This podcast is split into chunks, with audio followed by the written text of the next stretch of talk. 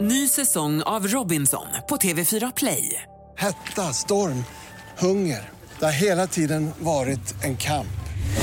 Nu är det blod och tårar. Fan händer just nu. Det. är Detta är inte okej. Robinson 2024, nu fucking kör vi! Streama söndag på TV4 Play. Podplay. O- orimligt intresserad av hur jag vi- tvättar mina kalsonger. Okej, svara ja eller nej. Är det städerskan som tvättar dina kalsonger eller är det du själv? Det är en kombination.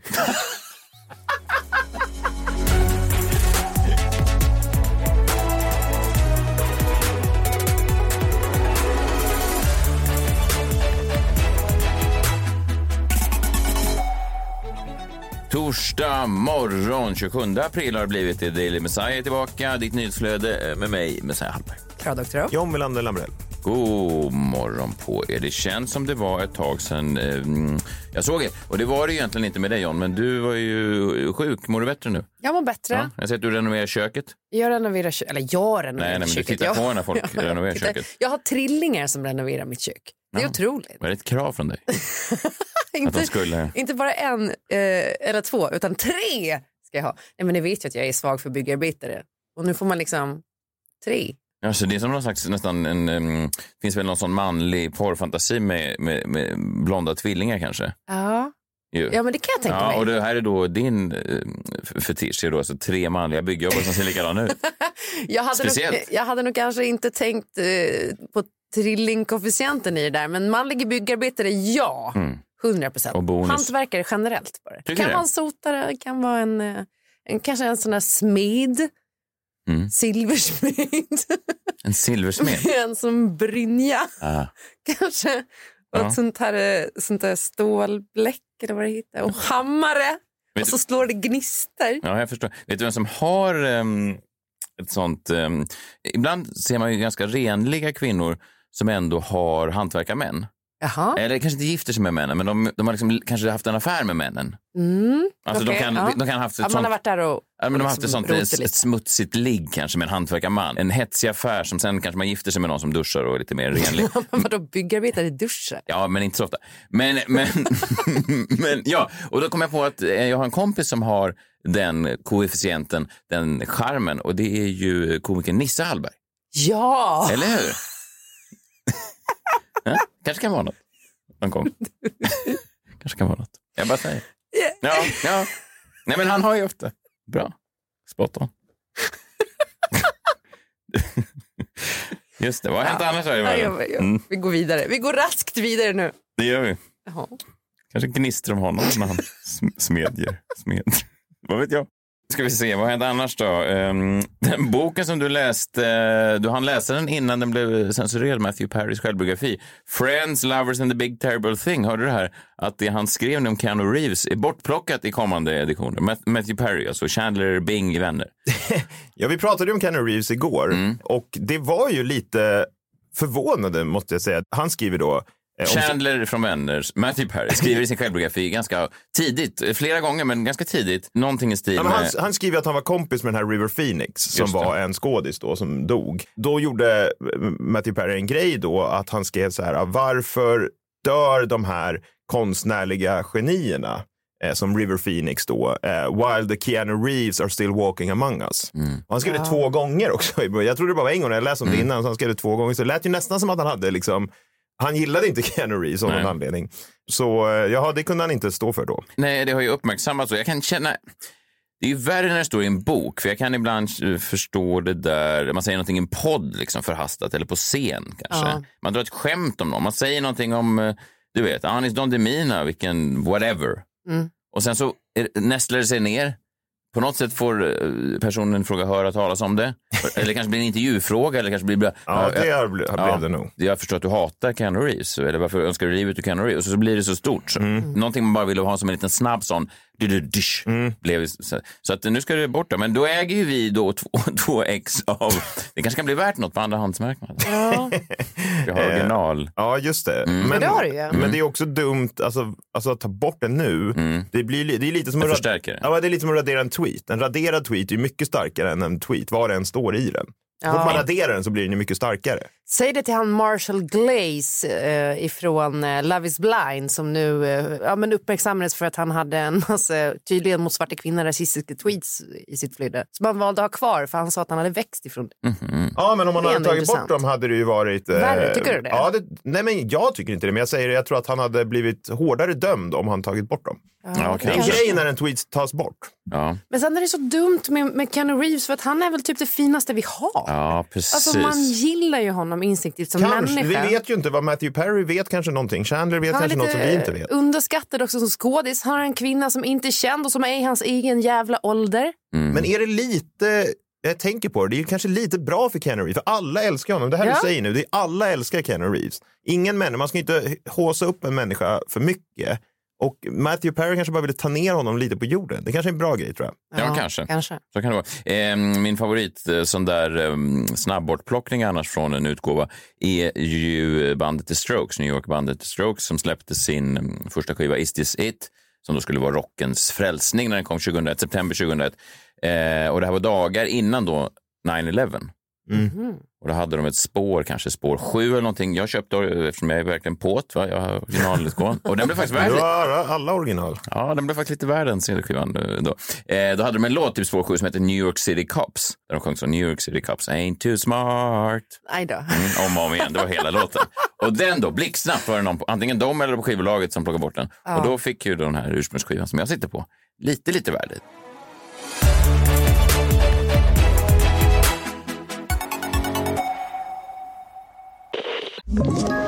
Ett poddtips från Podplay.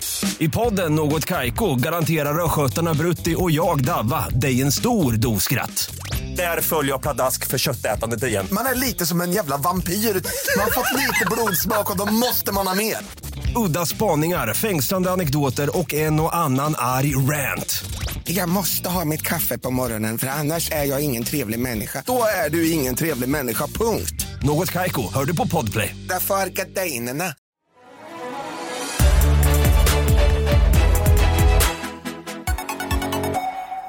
På tal om tweets, jag drog iväg en tweet här i förrgår om eh, Joakim Lamotts intervju av kvinnan som... Så, jä- så jävla absurd tid att leva i. Det är, ju då dumskallarnas århundrade. Vi, kan bör, vi börjar i en annan ände förresten. Det här är dumskallarnas århundrade. Det här är ett klipp från Bianca. Det är Keanu Reeves århundrade. Är han ett dumhuvud? Men det var ju det Matthew Perry menade. Ja, det var det. Han menar var, varför dör Ja, de konstnärliga okej. genierna medan Keanu Reeves fortfarande lever?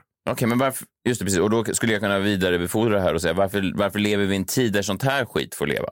Som jag kommer att spela upp nu. Ja, precis. Ja, eh, det här är från Bianca Ingrossos talkshow. Hon intervjuar sin mamma Pernilla Wahlgren. Vi har pratat om det här förut. Pernilla Wahlgren kom ut för några veckor sedan och sa att hon har legat med två stycken och hon var med i Let's Dance. Ja, det var en bomb ju. Ja, det var en bomb. Eh, och eh, ja, här var de då intervjuade. Eh, Mamma eh, intervjuades av dotter. Vi bara lyssnar på det. det jag, ska inte, jag lägger ingen värdering. Eller lite. Eller jag, Säger det någonting om någonting?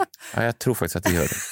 Vem av de andra kan det vara? Ja, åh, vem kan det, vara? Nej men, eh, Och jag minns det som att det var igår alltså. ja, jo jag kommer ihåg. Men jag hade en period i mitt liv jag var lite vildare. Jag vill bara säga att jag, det, var, det var inte samtidigt. Eller alltså, det var inte... Nej, bara någon, några dagar emellan sådär. Ja. Nej men jag, eh, jag, jag avslutade affären med den ena. När det inleddes med den andra. Just det. Det vill jag säga. Ja. Det vill jag säga. Jag höll inte på och hoppade fram och tillbaka eller... Bra mamma! Nej. Men vem låg du med nu då? Nej, varför ska jag sitta här och säga det?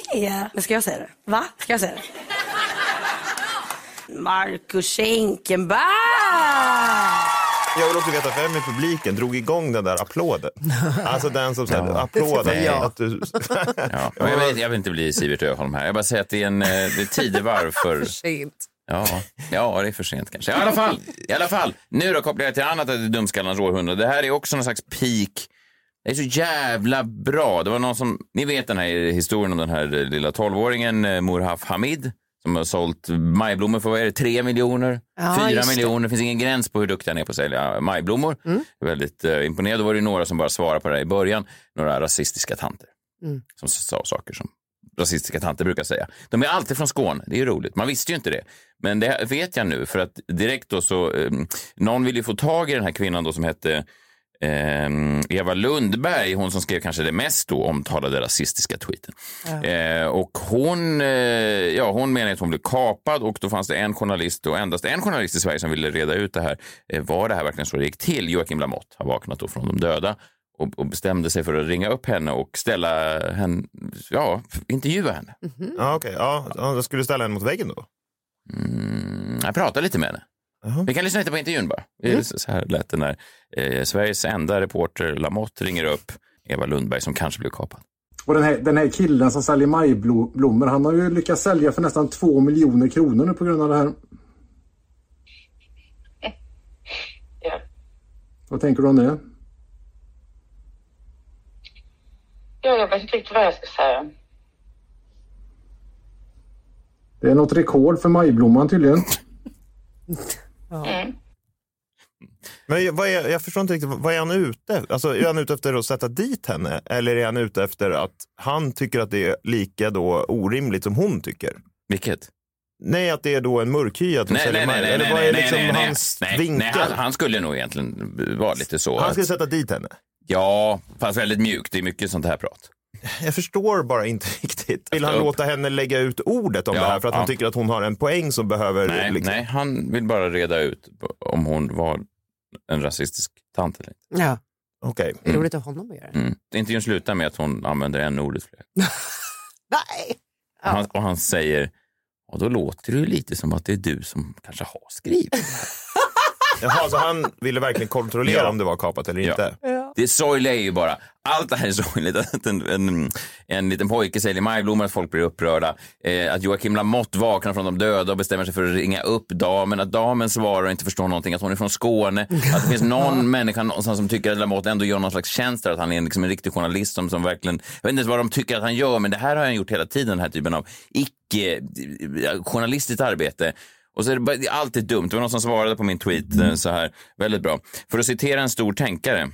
Det säger någonting om någonting. Det här tycker jag är starkt. Det tycker jag är väldigt starkt. För att citera en stor tänkare. Det säger någonting om någonting. Rasistisk skånsk dam går full mängel på 11-årig pojke utan asyl som säljer majblommor för snart 2,5 miljoner. Då dyker Lamotte upp och gör en intervju. Kan inte vara lätt att vara komiker i Sverige 2023? Nej, det kan det inte. För vi lever i dumskallarnas århundrade.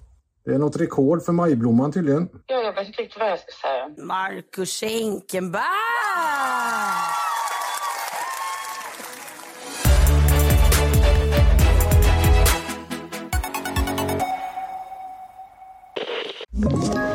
Ett poddtips från Podplay. I fallen jag aldrig glömmer djupdyker Hasse Aro i arbetet bakom några av Sveriges mest uppseendeväckande brottsutredningar.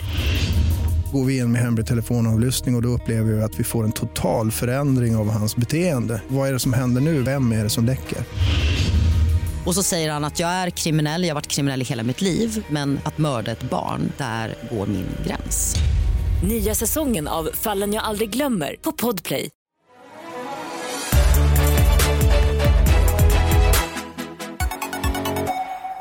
Torsdag innebär ju krimmorgon ibland så eh, blir det ju så att eh, den här eh, dagen sammanfaller med eh, riktiga, faktiska brottshändelser som händer i realtid, vilket är ju ja, både olyckligt, för ett brott borde inte behöva hända. Nej. Eller vad man ska säga. Nej. Jag har i alla fall friskrivit mig från det. Däremot så är det ju, som, som krimreporter så är det i alla fall eh, någonting att jobba med. Så kan vi säga. Eh, tyvärr. Ja. Krimmorgon. Mm, krimmorgon. Vi pratar ju um, först när det hände då om eh, kidnappningen i Danmark av den här 13-åriga flickan som, som tack och lov hittades i alla fall vid liv, även om det då har hänt en massa eh, saker med henne. Eh, men de, de grep en, en man och eh, redan då eh, väckte du frågan om den här mannen eventuellt skulle kunna vara involverad i ett, i ett tidigare fall, ett mordfall i Danmark i närområdet. För hur var det nu? Den här mannen som de hade gripit, han, han bor där den andra kvinnan, Emily Meng, försvann. Ja, exakt. I en då liten by då som heter Korsör eh, på västra Själland. En liksom, ja, men småstad, eller by kanske, men småstad. 2016 då försvann ju den här Emily Meng. Och det är ju lite väl liksom, slumpartat för att man inte som då vi krimreportrar, Mm. inofficiella krimreportrar, eller liksom Lamotte krimreportrar kanske det är, som försöker då härma andra krimreportrar, Mm. eh, att inte dra öronen åt sig då att det här skulle ju kunna vara ett, ett samband såklart. Ja, ja, verkligen. Eh, för sånt här är ju väldigt, väldigt ovanligt. Ja, precis. Det skulle vara en väldig slump då att det bor en sån psycho-sexual predator på samma ort som... Ja, det, är ju... Det finns ju väldigt många alltså, sexualförbrytare runt om i samhället. Tala för dig själv. kul. mass- Tala för dig själv. Massor liksom. Alltså, Aha. Lamotte skulle inte hinna intervjua alla under liksom, hela sitt liv. Nej, men det finns... Inte om han har de här eh, oskarpa frågorna. Blir det långa jävla? Nej, nej, precis. Men Mm. eh, det, det finns j- jättemånga, massor. Liksom. Mm. Men det är ett jävla steg till att då eh, mörda. Mm. Det är det vä- väldigt få som tar det steget. Och det har ju då Emily Mengs gärningsman gjort då bevisligen. Och eh, ja, det är väl inte allt för osannolikt att tro att han även skulle göra det med den här Filippa då, om liksom, de inte hade hittat henne hos honom. Men de danska polisen kallade till, till presskonferens igår onsdag då. Ja, exakt. Och, eh, och sa att de tittade på han är alltså formellt misstänkt nu. Som, alltså han är ju, jag vet inte om det är på sannolika skäl eller skäligen misstänkt, men han är ju alltså häktad för mordet på Emily Meng. Vad sjukt. Så att eh, det är det som har hänt. De går inte ut med exakt varför, men man tror ju då att det är den här bilen som vi pratade om när vi pratade om Emily Meng förra veckan, som sågs på en övervakningskamera vid det här stationshuset där hon försvann. Han skulle ha haft en liknande sån bil då, eh, en Hund- Hyundai, eller liknande, han skulle ha haft den bilen, Hyundai Hyundai. Eh, Hyundai, förlåt. Ja, men Hyundai i30 eller något sånt där. Då. Okej. En vit sån. De har ju då lyckats hitta att eh, han eh, har haft en, en sån bil eh, och sen då, han har väl sålt den eller någonting så den dykt upp till Slovakien där de har hittat den då. Sen vet man inte om de har hittat några spår i den bilen eller Nej. om det bara är okej, så här, det var ju en jävla slump då att du också hade den där bilen. Så, så han är ju häktad nu för Emily Meng-mordet och eh, ja, vi får väl se vad som händer. Den här 32-åriga dansken då som eh, bor i Korsör där i eh, trakten. Han bodde där även när Emily Meng eh, försvann i sam, på samma adress då som den här Filippa hittades. Har hans identitet läckt? Ja, det har han ju. Plötsligt dök det upp en bild i min telefon igår. Eh, Såg det ut som någon, någon slags mobilförsäljare eller någonting. Ja, precis. Ja. Och sen förstod jag ju då. Jag skickar inte bara bilder på mobilförsäljare lite då. och då. Nej, Det nej utan det, det var då han, den mannen som är misstänkt. Mm, exakt. Han ser ju inte ut som en... Du har det på din WhatsApp också. Ja, jag vet. Jag- Alltså, han var ganska... Jag kan inte ens säga det, men Hade han hantverkskvaliteter? ja, ja det hade han väl. Ja, sen det där med att, att man ser ut som en... Det är ju, Jag menar, inte, jag menar inte att han inte skulle kunna se ut som en gärningsman, för det vet man som Mm. kvinna att vem som helst kan vara gärningsman. Eh, har vi Ja, alltså oss. utseendemässigt Precis. kan det, man ju se ut hur som Eh, helst. och att folk kan vara helt sjuka i huvudet hur snygga de än är. Men han såg liksom bra ut. Det var väl det enda. Och man tänker alltid att eh, mördare ändå ska vara lite så här slibbiga. Varför är det nästan ännu läskigare när det är någon som ser välanpassad ut? Men det, är, de flesta är ju välanpassade. De flesta Är de det? såna här... Ja, fast det finns ju också Anders Jo, men- Eklund.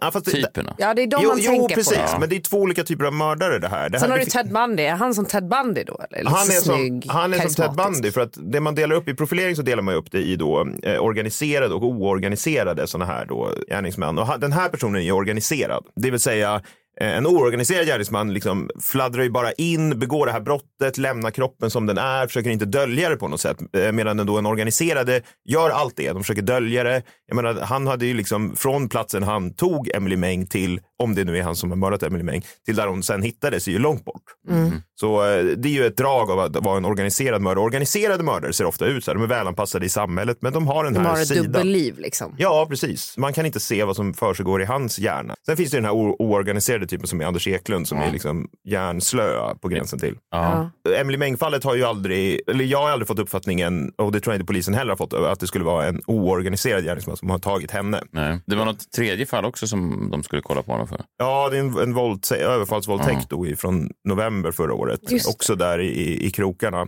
Ja, kanske. ja. Kan man hålla sig så länge från den här mordiska lusten då, alltså 2016? Ja. Ganska länge. Man undrar, ofta är det väl när man tittar på, jag kommer ihåg när man tittar på han um, The Golden State Killer och Mm. sådär. Då hade de ju ofta lite luckor i sina perioder och då hade det ofta hänt något sen när man kom på vem det var, att man kunde härleda det till att ah, just då så hade de inlett inte, en ny relation eller precis fått barn. Eller, Precis, alltså att det är ofta något som det- triggar brottet. Liksom. Okej, att det Och- blir en killing spree då, typ. Ja, precis. Ja. Alltså, det är ju ofta sådana här grejer som att eh, ja, bråk med, med sin tjej eller bråk, skilsmässa. Mm. Eller det, det är ofta någonting sånt. Liksom. Sen brukar det vara en, en lugn period. Det är ju liksom, det är roligt, jag skriver precis om den här typen av, jag ska inte hänvisa för mycket till mina böcker, men min senaste bok Mörkt arv handlar ju precis om en sån här typ av gärningsman. Mm. Alltså en organiserad seriemördare som då liksom, det, det handlar om hur han beter sig Mm. och hur man kan hitta sådana här personer. Men det är ju speciellt i det där är att eh, det är svårt att veta hur lång tid det kan ta mellan sådana här eh, liksom, mord.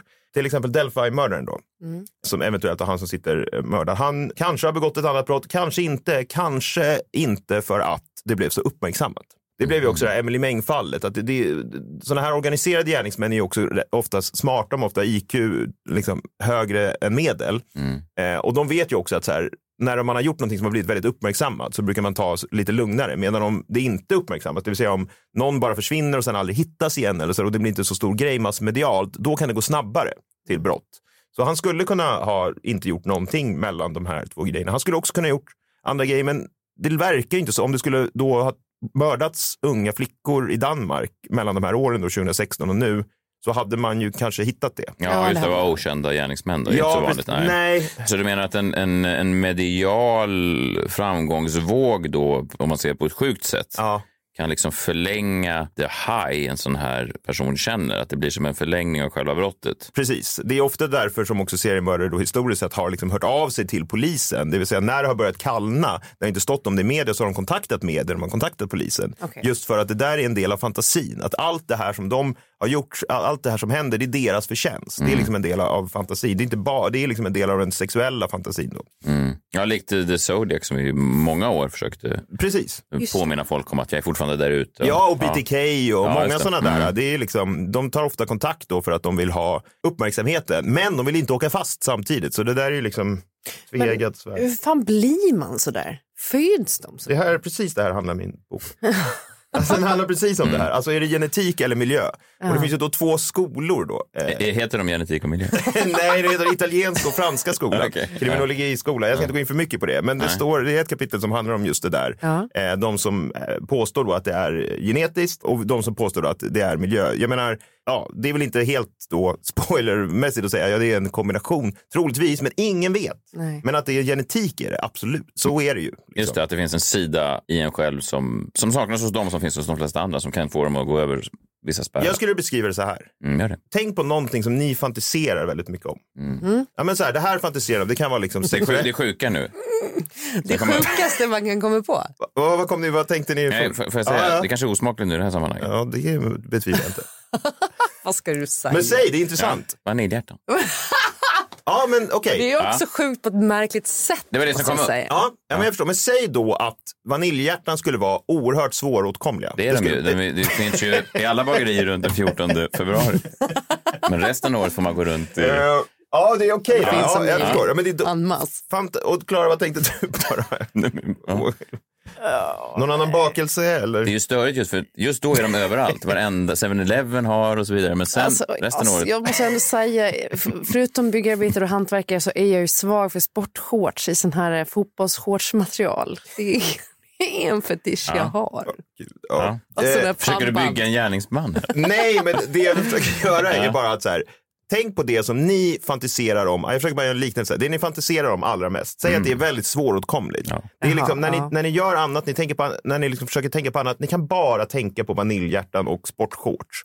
Det är liksom det ni fantiserar om och så blir den här driften blir så stark att ni till slut liksom, ni ser ett vaniljhjärta och bara måste ha det. Ja.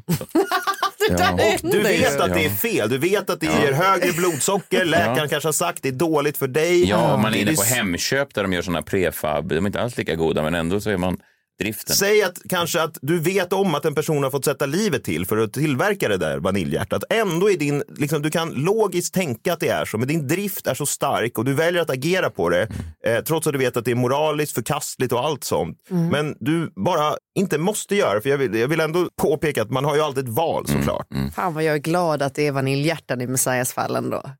Annars hade vi ju Ja. Ja. suttit här med en. Ja, Ja, exakt. Ja, men det, och det ska du nog vara glad också Verkligen. över. Verkligen. Och jag är glad över det. Mm, ja. Och, så att det är den enda liknelsen jag kan dra. Och då är frågan så här, var kommer din fantasi om vaniljhjärtan ifrån? Fantasi i. Du sa vad jag verkligen ville ha allra mest. Jag vet, men du, du, men fantasi, men du är fantiserar om att äta ett vaniljhjärta ibland. Ja, kan men- något, du tänker på vaniljhjärta. Ja, Och du vill äta det, du vill göra någonting med det. Mm. Precis. Eh, Den här liknelsen kanske är lite då, ja det är väl lite besvärlig. Ja. Men nåväl. Och, Det var du som ställde frågan, jag svarade ärligt. jag vet, men, Ja. ja. men jag tror att så här, i, i någon slags grund och botten så handlar det om samma sak. Att du har en medfödd, ett medfött begär för vaniljhjärtan. Sen skulle grejer i din miljö under din uppväxt, om du hade haft en, liksom, eh, om det hade varit något fel på vaniljhjärtan, jag bara, om du hade haft en, en fin och bra uppväxt, och då hade det, risken hade blivit mindre att du gav dig efter de här vaniljhjärtanen. Men om du har en tuffare uppväxt då, det, kan liksom, det behöver inte vara jättetuff uppväxt, då blir det mer sannolikt att du då skrider till verket och ger dig efter vaniljhjärtan. Just det. Ja, jag tror jag förstår. Ja, jag vet knappt om jag förstår själv, men förstår ni ungefär vad jag menar? Ja, och jag, Jag förstår, och jag ja. tog ju upp det när det var alla hjärtans dag nu, att det, det är tydligen fler som jag som har den här böjelsen. För de hade ju skruvat upp priserna på det var ju 50 spänn hjärtat eller någonting. De vet ju om att det är just nu vi kan bunkra upp, vi som har den här. Ja. Så att det är inte... Och du köper dem ju ändå, alltså din Ja. Mm. fantasi om vaniljhjärtan är så stark att du skulle betala 500 kronor för ett Ja, vaniljhjärta. det hade jag gjort. Du hade betalat kanske 5 000 kronor för ett vaniljhjärta, förstår du vad jag menar? det, är liksom Det hade, jag, begäret det hade jag nog gjort. Skulle det vara logiskt? Men får jag, Nej. Nej, men ditt begär är mycket starkare och där Ja. tror jag att det finns en liknelse med sådana här typer av gärningsmän. Ja, och då tänker jag så här, måste begäret alltid vara ett sexuellt motiv? Alltså, För måste det är inte mitt fall, ska jag veta. Nej, precis. Nej. Jag tänker så här, finns det mördare som går igång på mörder på ett annat plan än det sexuella? Jag tycker sexuell är egentligen, det är liksom, jag vet inte ens om det är rätt ord, men jag skulle säga att det är samma sak som vaniljhjärtan. Ja. Alltså är det sexuellt att äta ett vaniljhjärta? Nej, men det är inte helt, alltså det är liksom, du kommer över det, det finns en tillfredsställelse i det, Mm. Ja, det. sexuell eller inte. Nej. Ja, precis. Inte sexuellt. Det behöver inte, Inte vara. Du en... tillfredsställa dina begär. Ja. Och de här människorna har ett sånt här typ av begär. Ja, nej, som när jag kollar på Dr. Pimple Pop. Ja, det är ju inte sexuellt, men Nej. det är ju en dopaminkick. Det är dopaminkicken. Det är när man trycker ut eh, Det är när man får en Ja, ja. dopaminkick. Aha. Du får en dopaminkick av det. Ja, men precis. Och det är ju någonting som känns så tillfredsställande på ett sätt som är helt Men precis, och inget annat i världen kommer i närheten av den tillfredsställelse som sådana här gärningsmän får av att göra det här då. Ja. Och det är det som är så jävla obehagligt. Och sen har de ju, jag menar det är bara, gör det inte bara. Nej. Alltså du har ju alltid ett val, så jag, försöker inte så här, och det är väl det som har varit den skillnaden på de här två skolorna då, genetik miljö, att det här genetikgrejen skulle då på något sätt ursäkta att man beter sig så, men det tycker jag ju absolut inte. Bara för att du har någonting medfött i dig, han vet ju att du inte ska göra så här. Ja. Men han är psykopat och han har ingen empati troligtvis, om det nu är han, vem han än är. Ehm, och Självupptagen och tycker att hans egna behov står före. de är ofta empatilösa, du kan inte tänka dig in i någon annans situation, att det, utan han kan bara tänka på sig själv då. Han vill bara ha offer, det är det enda som betyder någonting. Och när de är ångerfulla så är de ångerfulla för att de åkte fast. Mm. Inte av någon annan anledning. Okej. Sjukt. Men det, vi får se vad som händer i det där. Det är ju... Om det nu är han, nu pratar jag mer generellt Ja, om ja, sådana ja, typer jag av... förstår det. Jag förstår. det. Men, men ändå, det är ju en, ehm, en ganska remarkabel utveckling. Som du sa direkt att de borde kolla. Ännu mer tycker man ju illa om den här lokalpolisen som du pratade om då. I fallet med Emily Meng som, som i veckor, månader trodde att hon hade försvunnit i Köpenhamn. Ja, verkligen. Och då, om det nu visar sig att det är han Mm. så kan man ju då gå och titta på den här dokumentären när de håller på att tjata om den här 67-åringen där man hörde ett kvinnoskrik då. Mm. Eh, eventuellt. Eh, och bara så här, nej, nej, han stämde liksom inte in alls på en sån profil av den här typen av gärningsman. Så att, Nej. Undrar, vad, undrar vad han, eh, chefsutredaren på lokalpolisen, känner nu. Sören Rav Nilsen. Heter han så? Ja. Ah, okay. Undrar vad han känner. Ja, jag hoppas att han skäms. Jag tycker också han ska be om ursäkt för alla då han har trakasserats som då eventuellt har varit felaktigt att Jo, gå efter dem. Och till familjen för att hon, att hon sa att, de, att Emily hade rymt med en kille i Köpenhamn. Ja, faktiskt. Men Jag hoppas att Filippa kan få gå vidare i livet också så att hon, hennes liv inte bara definieras av det här sen. För det är väl det värsta. Ja, verkligen. Vi är tillbaka imorgon bitti. eh, Då, eh, ja, tidigt, tidigt, tidigt, tidigt morgon. Ibland alldeles för tidigt. Men eh, tills dess, ta hand om er själva och varandra så hörs vi tre och ni. Ja, ni som lyssnar. Imorgon. Hej, hej. Hej! Hej!